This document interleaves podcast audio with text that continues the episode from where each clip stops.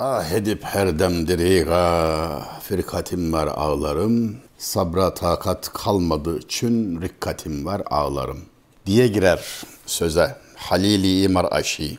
Maraşlı Halili. Eski bir şair. 15. yüzyılın sonlarında doğmuş. 1500'lü yılların da ilk 30'unda 1530-35 vefat etmiş.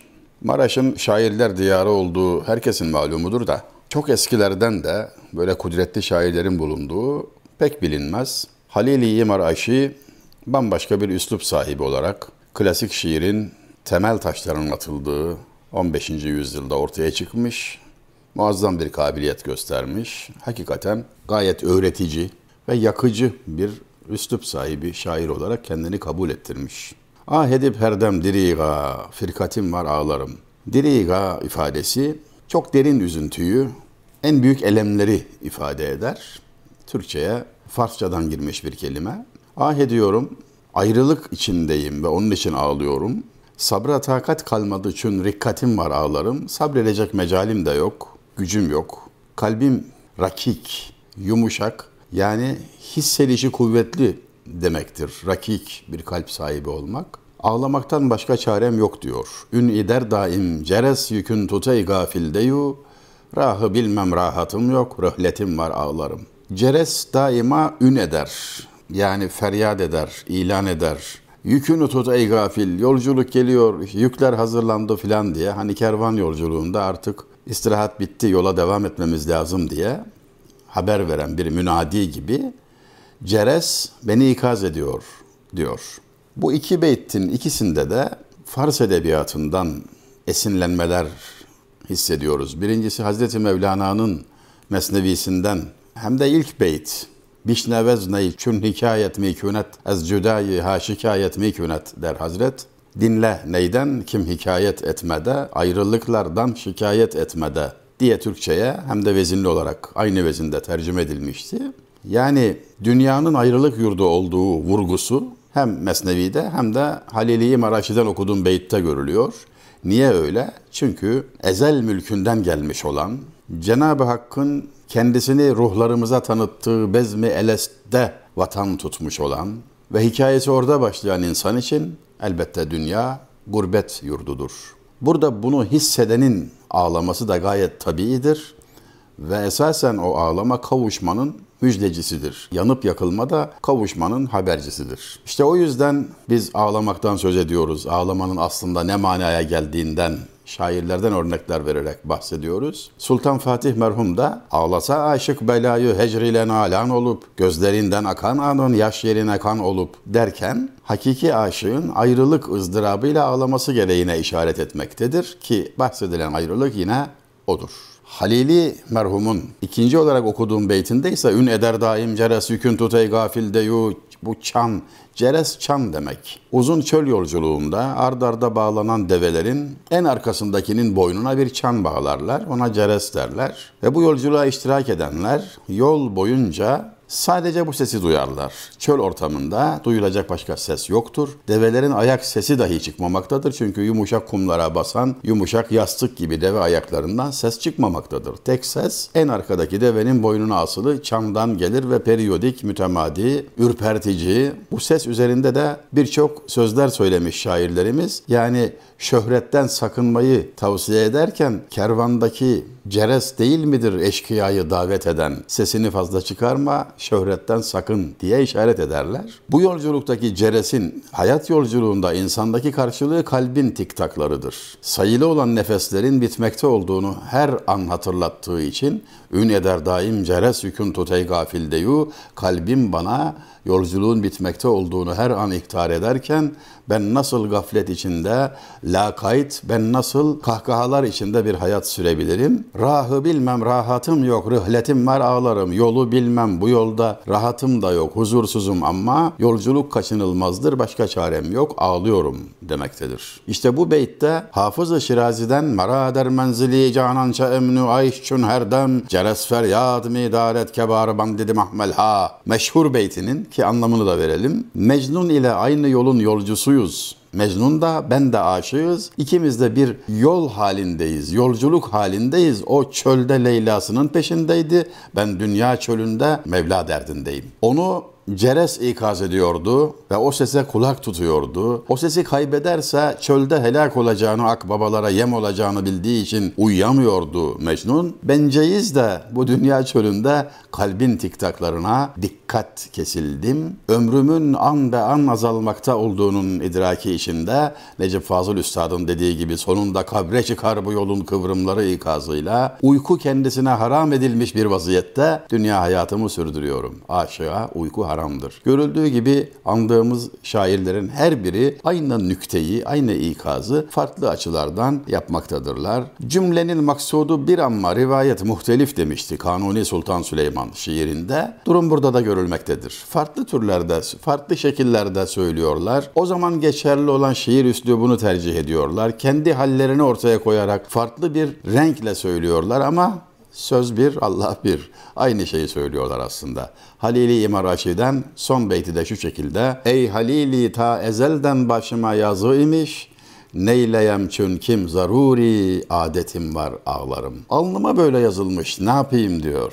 Başından beri bizim yolumuz böyle çizilmiş diyor. Şeyh Galip merhum bir eserinde bu hususa şöyle işaret eder. O zaman ki bezmi can da bölüşüldü kâle-i kam. Bize hisse-i muhabbet, dili pare pare düştü. O ezel meclisinde herkesin kısmeti bir kumaş gibi kesilip kesilip dağıtılırken bizim hissemize düşen parça parça olmuş bir gönülden ibarettir. Vesselam. Velhasıl hüzün galiptir. Neden öyledir? Çünkü son gülen iyi güler.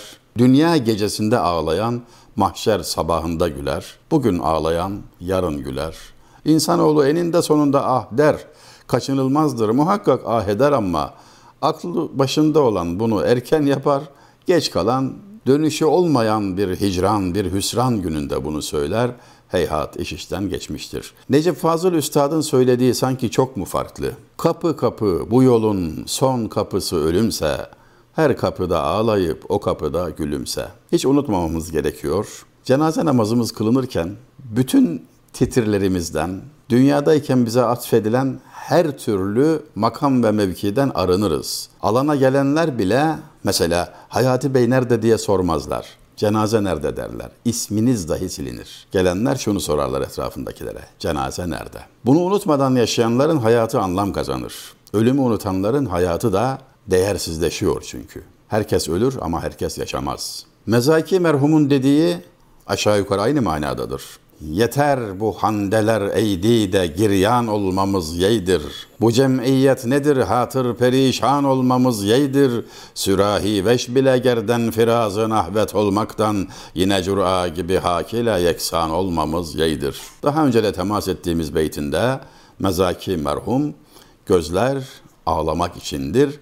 Çok güldün ey gözlerim demektedir. Sormuşlar bir bilgeye hangi alanda kariyer yapalım diye. Cevabı şu olmuş. İyi bir insan olma kariyerini yap. Çünkü o sahada fırsatlar çok, rekabet azdır. Doğru. Çok fazla iyi insan olma derdinde olan yok fazla rakibiniz yok. Fırsatlar da çok çünkü her gün karşılaştığınız her kişiyle öyle ya her geceyi Kadir bil her gördüğünü Hızır her fırsatta iyi bir insan olma yolunda bir taş döşemek, bir imkan, bir, bir mevki elde etmek mümkün ve çok da meraklısı yok. Eğer serveti ve devleti talep ederseniz orada rekabet çok. Bağdatlı Ruhi merhumun dediği gibi cihanın nimetinden hisse ümmidin götür ruhi o denli talibi var kim ne sana ne bana artar. Makam veya servet derdine düşersen çok rakibin olacak, çok düşmanın olacak. Çünkü onun meraklısı çok. Başını belaya sokacaksın, üzüntü çekeceksin. Tabii bunu kendine söylüyor ruhi diyerek muhatabı kendisi. Şairlerimizin özelliği o değil mi? En ağır sözleri, en ikaz edici nasihatları hep kendilerine yaparlar. Sanki gönlüyle söyleşmektedir, kendisiyle hasbihal etmektedir ve okuyucuya, dinleyiciye düşen üçüncü kişi olarak kenardan istifadeye çalışmaktır, can kulağını açmaktır. Yadı hayali yar ile gülzara baktım ağladım. Andım şemimi kakülün ezhara baktım ağladım. Kalbim esiri aşkı yar, gönlüm hevayı bir karar. Eşkim misali cuyi bar, asara baktım ağladım. Hicran ile dil olduğun, baktım yaman tali zebun. İkbali gördüm sernicun, idbara baktım ağladım. Müstakbelim olmuş heba, halim bela ender bela. Mazideki bir intiha, asara baktım ağladım. Bir bir kesim bir hanuman, şimdi bana dağlar mekan. Feryadıma makes olan kuhsara baktım ağladım. Kalbi hazinim ya espuş, emrazım oldu hep vuhuş. Karşımda pürcuşu huruş, enhara baktım ağladım. Firkatle ney feryat zen, tanbur ise sevda füken, mızrabı gamdan inleyen evtara baktım ağladım. Sen neredesin ey nazlı yar?